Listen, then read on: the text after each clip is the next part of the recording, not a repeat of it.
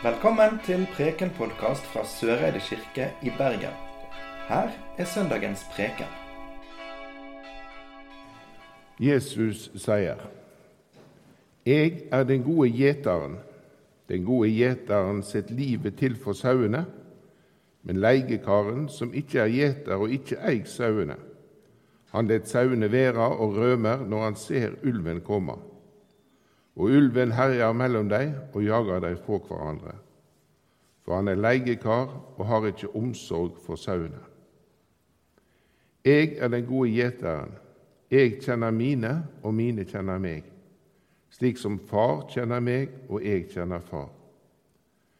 Jeg setter livet til for sauene. Jeg har òg andre sauer som ikke hører til denne flokken. De òg må jeg leie. De skal høre mi røyst, og det skal bli én flokk og én gjeter. Far elsker meg fordi jeg setter livet til, så jeg kan ta det tilbake. Ingen tar livet mitt, jeg gir det frivillig. Jeg har makt til å gi det, og jeg har makt til å ta det tilbake. Denne oppgåva fikk jeg av far min.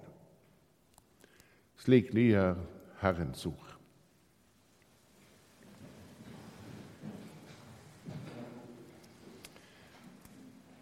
Når jeg var prest i Nord-Trøndelag, så ble jeg kjent med en gammel mann.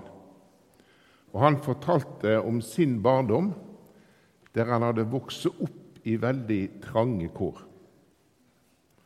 Og Han fortalte at når han var åtte år gammel, så ble han sendt til fjells alene for å gjete buskapen.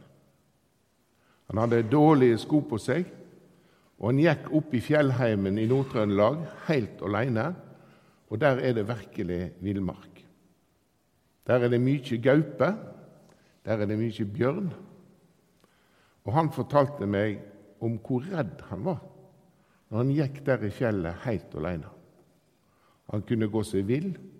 Det kunne komme bjørner eller gauper som ville ta av buskapen. Og han var åtte år gammel og kunne ikke gjøre noe. Og Den der følelsen av å være alene og være utsatt for så stor fare, det var en følelse han hadde hatt med seg gjennom hele livet. Og Gjeteren og hyrdingen det er et gjennomgående tema i Bibelen. Når vi først møter Moses, så gjetter han småfeer til svigerfar sin Jetro, altså sauer. Og Det var når han holdt på med det, at han møtte denne brennende busken og ble kalla til å føre israelsfolket fri fra slaveriet. En annen gjeter som vi støtter på, er han som senere ble kong David. Som gjeter hadde han utvikla en veldig god eh, evne til å kaste stein med sånn steinslinger. Og Det brukte han til å felle Goliat, den store kjempen fra filister her. Og David, når han var forfulgt, så skrev han Salme 23. Og Den salmen vi sang ikke akkurat sist, men nest sist nå, 'Min Herre er en hyrding god', er en omskriving av Salme 23, der David òg bruker disse bilder. Tidligere i gudstjenesten så hørte vi lest fra profeten Esekiel om den gode hyrdingen. Men rett før det som eh, Erlend leste der, så står det om de dårlige hyrdene. Der står det slik.: Så sant jeg lever, sier Herren Gud, sannelig, sauene mine har blitt til rov, det føler for alle slags ville dyr, for de har ingen gjeter. Gjeterne mine spurte ikke etter sauene, de gjette seg sjølve og ikke sauene. Og Når Jesus blir født, så er det altså gjeterne eller hyrdingene på marka som er det første som får melding om at en stor nyhet har skjedd. En frelser er født, og det er for hyrdingene at englene synger det som vi synger på hver eneste gudstjeneste. Ære være Gud i det høgste. Og Når Jesus sier 'Jeg er den gode gjeteren', så kling hele denne historien med. De som hørte Jesus bruke dette bildet, de hadde hele denne historikken og alt dette levende når de hørte disse ordene. Og Gjeteren eller hyrdingen er altså en gjennomgangsfigur i hele Israels historie. Og Jesus tegner et bilde av seg sjøl som den gode gjeteren, og i kontrast til de dårlige gjeterne. Og Det jeg las fra Johannesevangeliet, det er forlenginga av en lengre diskusjon mellom Jesus og fariseerne. Da er det lett å tenke at Jesus refererer til fariseerne når han snakker om de dårlige gjeterne. For De dårlige gjeterne er mer opptatt av sitt eget enn å se hvordan de kan vise omsorg for andre. Og Leiekarene blir et symbol for de som ikke bryr seg, som er mer opptatt av sitt eget ve og vel. Og Så bretter Jesus ut bildet enda mer. Han sier at gjeteren skal gi livet sitt for sauene. Det er jo på mange måter en profeti som peker framover mot det som skulle skje med Jesus sjøl. Og vi veit nå, tre søndager etter påske, hva som egentlig hender. Den gode gjeteren Jesus sjøl setter livet sitt til for å frelse de som tror på Han, og påska vitner om det.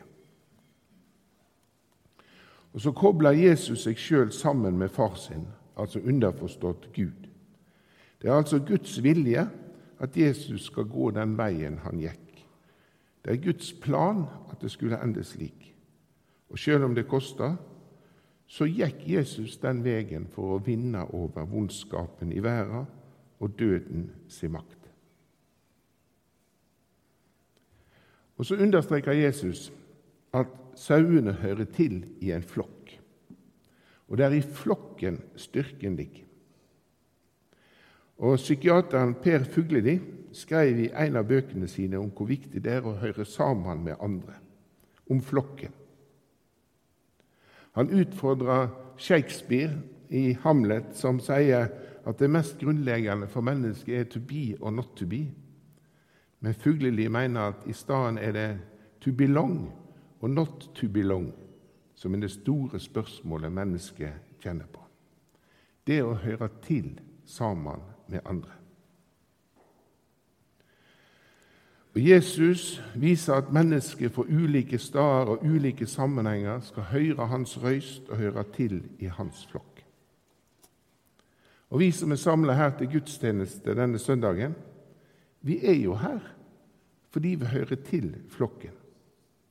En flokk som er samla om den gode gjeteren, og som vil ta vare på oss gjennom livet.